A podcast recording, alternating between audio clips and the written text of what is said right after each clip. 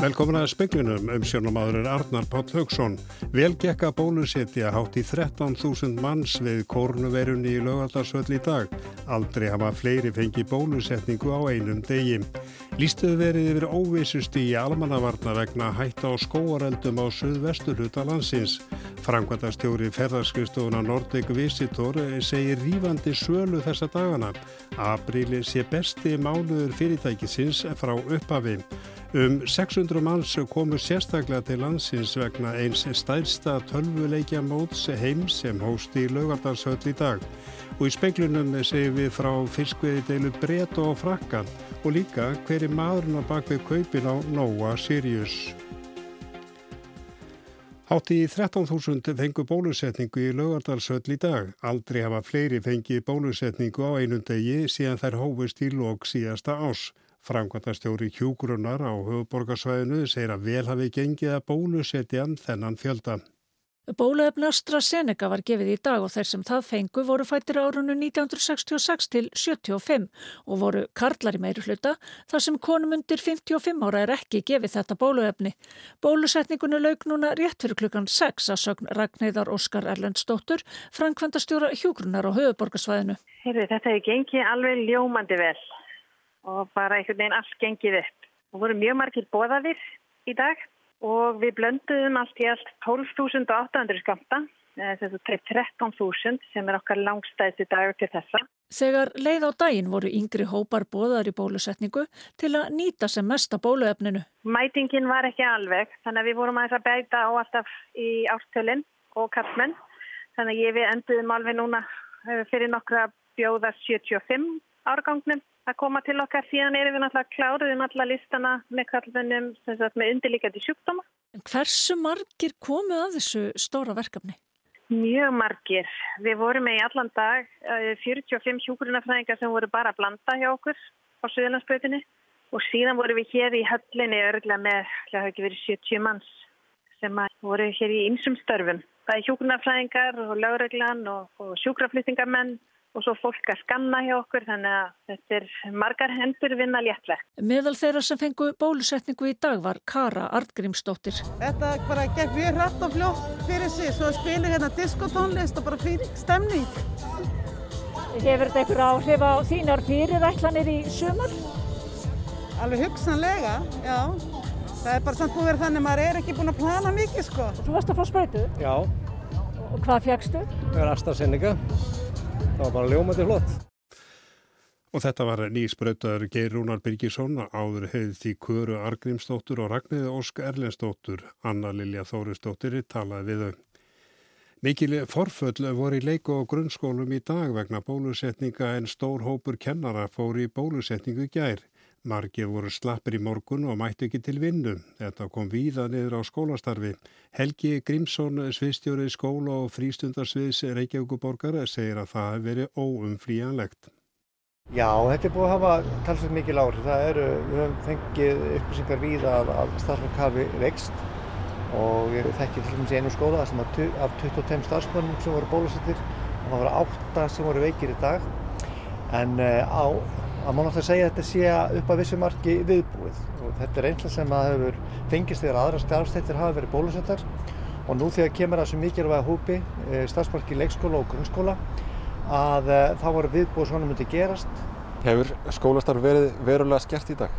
Það er mjög mismöndi millir staða og, og í leikskólanum þá þekkjum við svona fáliðinarferli e, í grunnskólanum þá alltaf reynda að þjónusta yngstu börnin og að það sé eins mikið skólastarf fyrir þau og nokkuð kostur er en, en, en enn og áttur, þetta bara fylgir þessu rísastóra verkefni að bólusetja hennar mikilvæga hóp. Eða segir Helgi Grímsson, Yngvar Þórbjörnsson, talaði við hann. Ásberg Jónsson, frangundastjóri ferðarskristofunar Nordic Visitor, segir að aprílmánuður hafi verið stæsti söludagur fyrirtækisins frá uppafi. Gós og ákvörunum að taka móti bólusettum með ferðamannum utan sengen hafi ítt undir eftirspöldina. Það er rífandi sannlega þess að dagana og rauninni svo góð hjá okkur í Nordic Vistor að aprilmánuður er, er stærsti sölumánuður fyrirtækins frá upphafi. Það kemur svolítið óvart, er það ekki? Það gera það vissulega. Við kannski byggumst ekki alveg við svona rosalega miklu vexti á, á, á stuttum tíma en ef, ef maður hugsaður út í því að, að Já, nú er búið að leifa rauninu bandarækjumennum að fara frá bandarækjunum og, og hérna það er ekki droslega mörg löndi bóði þannig að, að það að bjóða bólustum ferðamenn uh, velkomna á undan Evrópu að, að þá er við í dag Ísland eitt af fáum áfangastöðum sem rauninni e, hægt er að ferðast til fyrir ansi marga. Þetta var Ásberg Jónsson en án að vera rætt við hann síðar í speiklinum. Aðeins ein viðbráðsáallin er til vegna hætt á skó, skóareldum, gróðureldum og það er í Skorradal. Úr því þarf að bæta, segir Röggvaldur Ólason aðstúðar yfirlörglu þjóðn. Óvissustígi vegna gróðurelda var líst yfir á suðvestanverðurlandun í dag. Fólk er hvað til að fara mjög varlega og tilenga sér viðbröð og forvarnir á gróðureldar.is. Svolítið sérstakt fyrir marga að það sé komað á stað að meira sé gott veður á Íslandi sé, sé að bú til við sen. En þarf ekki betri áallanir til að bregðast við þessari vá?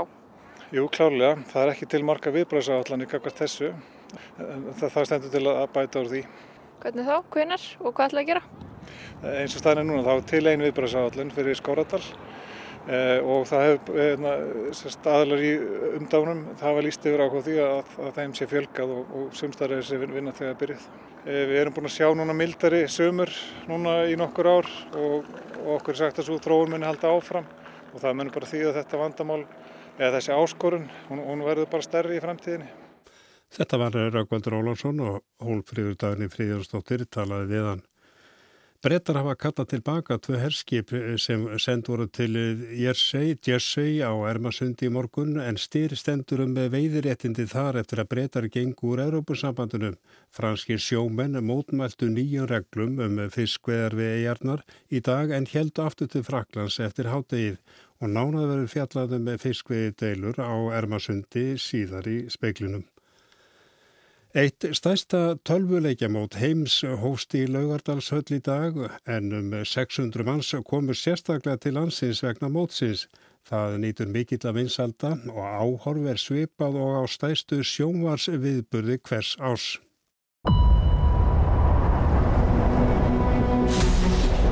Móti stendur samtals í 24 daga og líkur um næstu mánaðamót. Þar er keft í tveimur vinsælum tölvuleikjum, League of Legends og Valorant. Það er bandaríska fyrirtæki Riot Games sem gefur leikinu út og Nick Troop, mótstjóri Riot Games, segir að þetta er stærsta tölvuleikja viðburð ásins. We've got 11 teams from all over the world. We have an additional 400 crew and staff that we've traveled in. Uh, we'll reach uh, tens of millions of people all over the world on 40 different broadcast platforms. Troop segir að 11 lið taki þátt í mótinu og 400 manns starfi við það á einnið annan hátt. Á horf sé mikið en 20 miljóna fylgist með mótinu. Það eru strángar sóttvarnir í lögadarsöll og engin samgangur á milli þeirra sem taka þátt og koma að mótinu og þeirra sem halda utanum eða koma í bólusetningu í lögadarsöll. Bjarni Petur Jónsson sagði frá að það veri nánar fjallan um þetta í kvöldfréttum sjónvars. Aðsokn í frístundanámskeið á vegum Reykjavíkuborgar hefur stór aukist, ekki síst nú og í fyrra þar sem fólk er minna á faraldsvæti vegna heims faraldusins reyndir að mæta eftirspurninni og vinna niður bygglista með auknu frambóði. Um 9500 börn sóttu sumarstarf frístundaheimila borgarinnar í fyrra og jafnvel er búist við enn fleirum í sumar. Þá eru ekki talin með námskeið á vegum íþróttafélaga og annara stopnana og samtaka. Innritun í sumarnámskeið 10 til 12 ára barna hefst í næstu viku þar sem eftirspurnin hefur umlega tvöfaldast síðustu ár. Sofía Pálsdóttir er skrifstofustjóri frístundamála hjá Reykjavíkuborg. Nú erum við að detta inn í COVID-sumar 2 og fólkdra bara mjög meðvitar um það þessi mikilvægt að börnir hafa eitthvað uppbyggilegt og skemmtilegt fyrir stafni í sumar.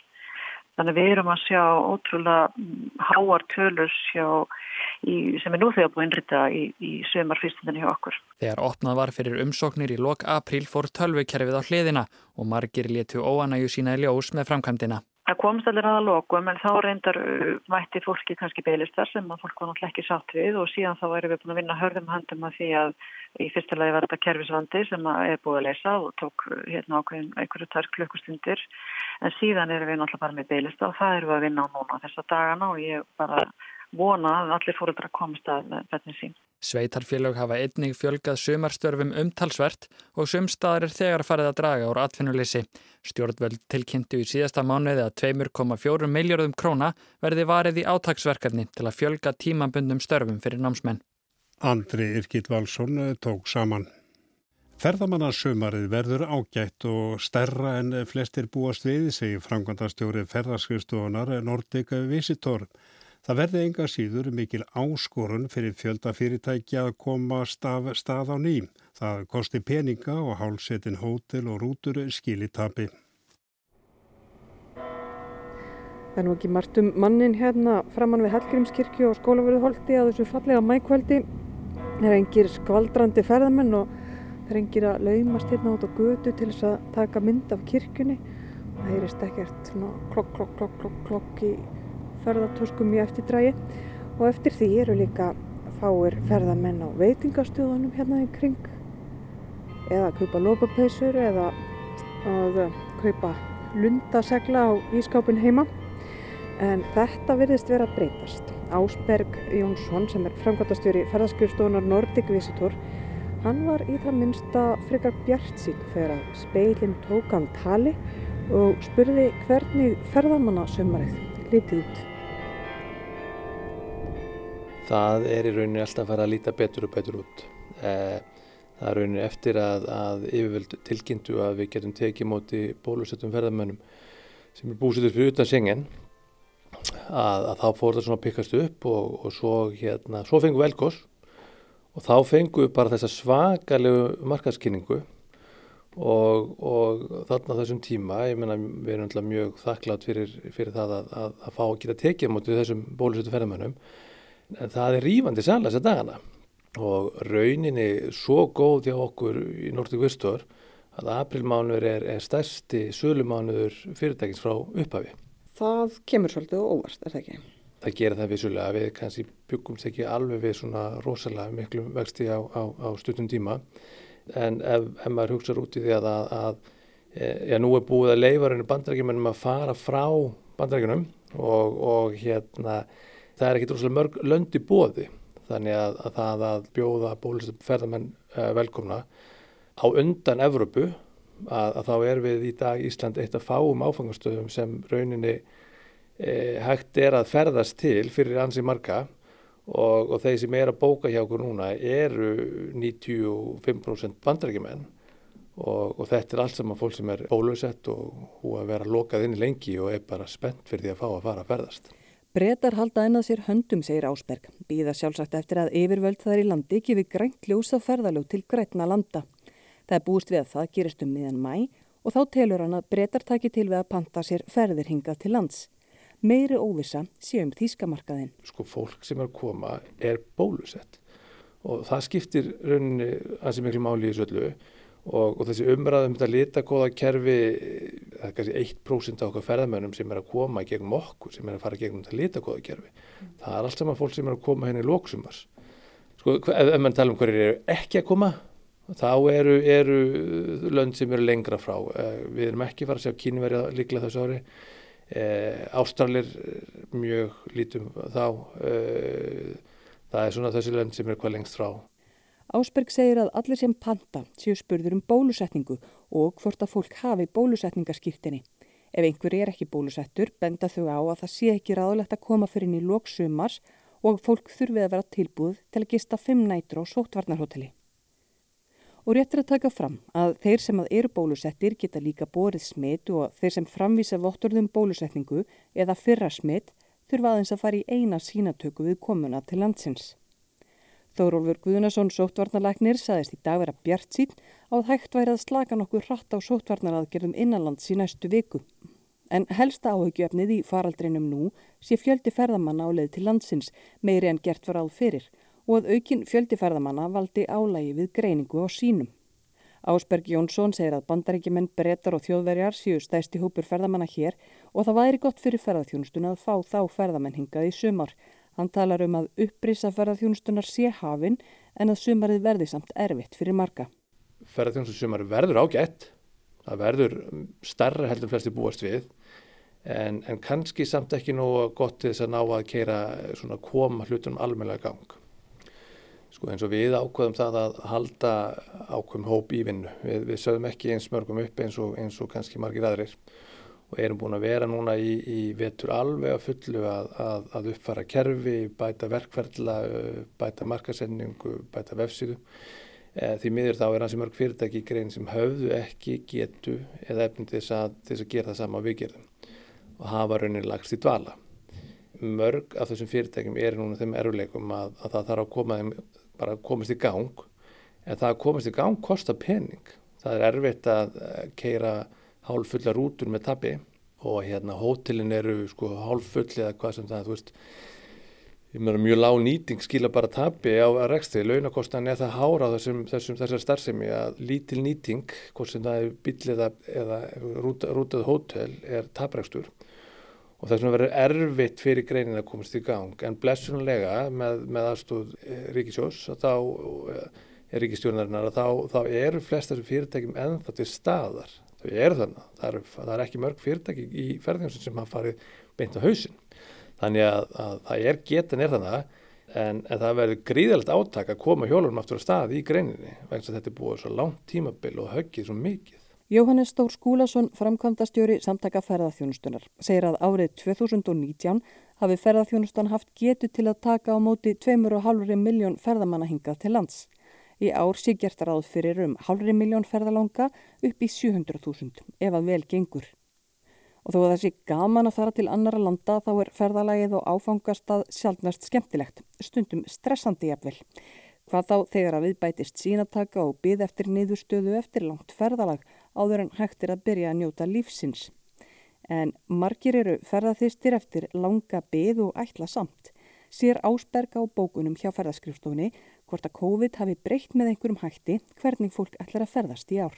En það sem er sko áhugavert við bókanirinn í sumarið núna er það að sumarinn fer hægt að staðið komu og við sjáum svona rís, rís á, á þessu í, í, í júli, ágúst það sem, það sem fólk er að bóka, það er þetta eru lengri ferðir og ekki bara lengri heldur per dag og dýrari þetta er ekkert endilega öðru þessi hópur, þetta er bara hópur sem sko hefur ekki getað eitt peningunum sinum í, í sko marga marga mánuði, það hefur ekki komist út að borða eða í bíó eða leikús þannig að það, það vil bara gera vel við sig núna og er það að bóka eins og lengri ferðir, dýrari afþrengu Eh, og ferðast lengur út í land. Þetta var Ásberg Jónsson, frangandastjóri ferðarskristofunar Nordic Visitor og Ragnhildur Tollasíus talaði við hann.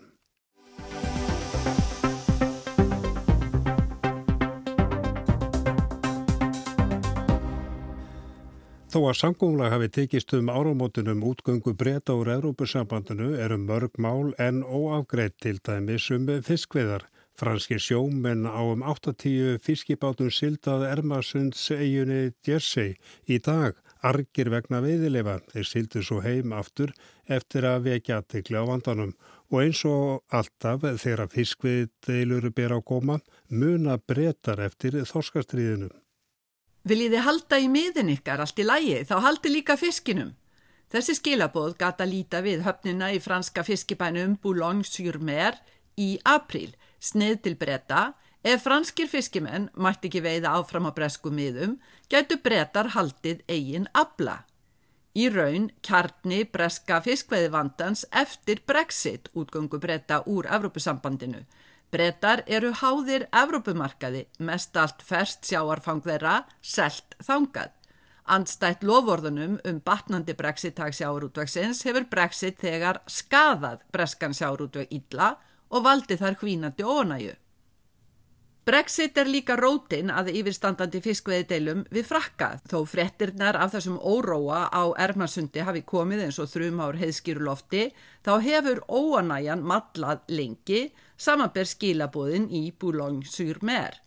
Það sem gerði deilurnar að frettefni var yfirlýsing Annik Girardin sjáarútværs ráþara frakka í franska þinginu á þriðdægin þegar hann var spurð út í deilutnar. Frakkar tækju fast á móti, saði ráðherran.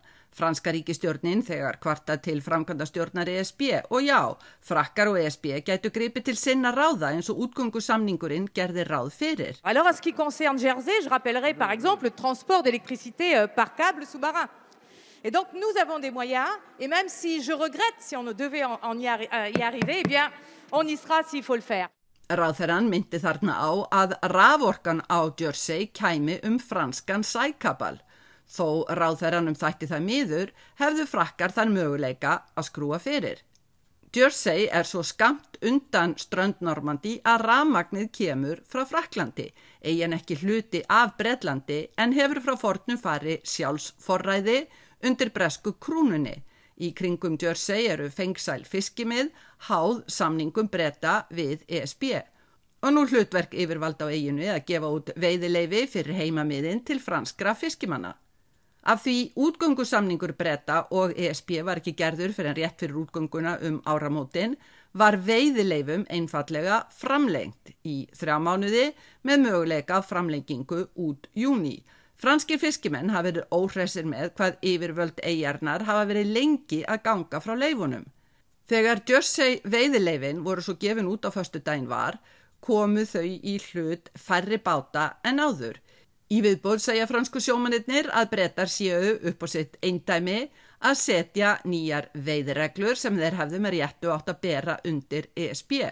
Framkvæmda stjórn ESB tók undir þau sjónarmið í dag. Boris Johnson, fórsætsráð þeirra, vissi ekki af deilunum fyrir en allt fór í háaloft í vikunni. Í gjarkvöldi hafði frest að franskir sjómenn hýðu á mótmæli. Fórsætsráð þeirra sendi þá af stað tvo breska bissubáta sem voru komnir að eigunni þegar um 80 franskir bátar seildu þangað í morgunsárið. Tveir franskir bissubátar voru skamt undan.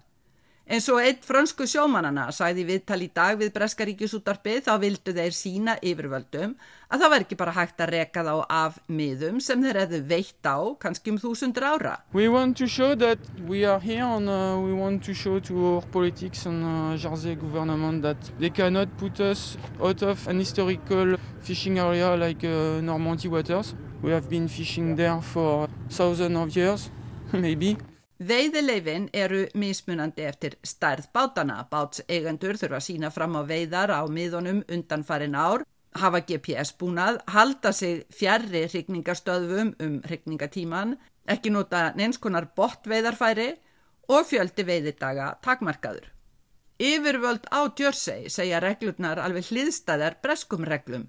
Ef bátseigendur get ekki sínt fram á fyrri veiðar, bendi það kannski til þess sem menn hafi lengi grunað að ablaskráning í Normandí hafi kannski ekki verið upp á marga fiska í orðsins fylstu merkingu.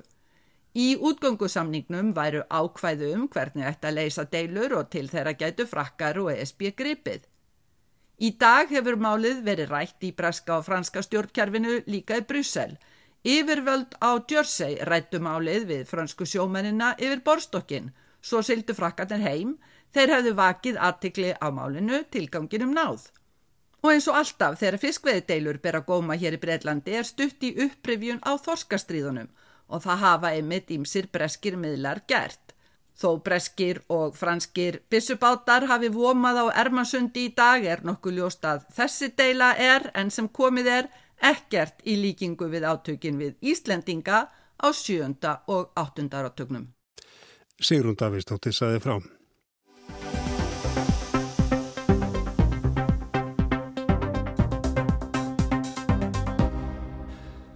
Norska fyrirtæki Orkla hefur keift Nóa Sirius og bætt íslensku salgetis framleysni við fjölbreytti safn fyrirtækja á neytindamarkaði. Vörumerkin í safninu eru vel á þriðja hundrað í þremur heimsálfum. En hver stendur að baki þessum, þessu framsagna fyrirtæki og hverfan og íslensku páskaækin og suðusúklaði að markaðin?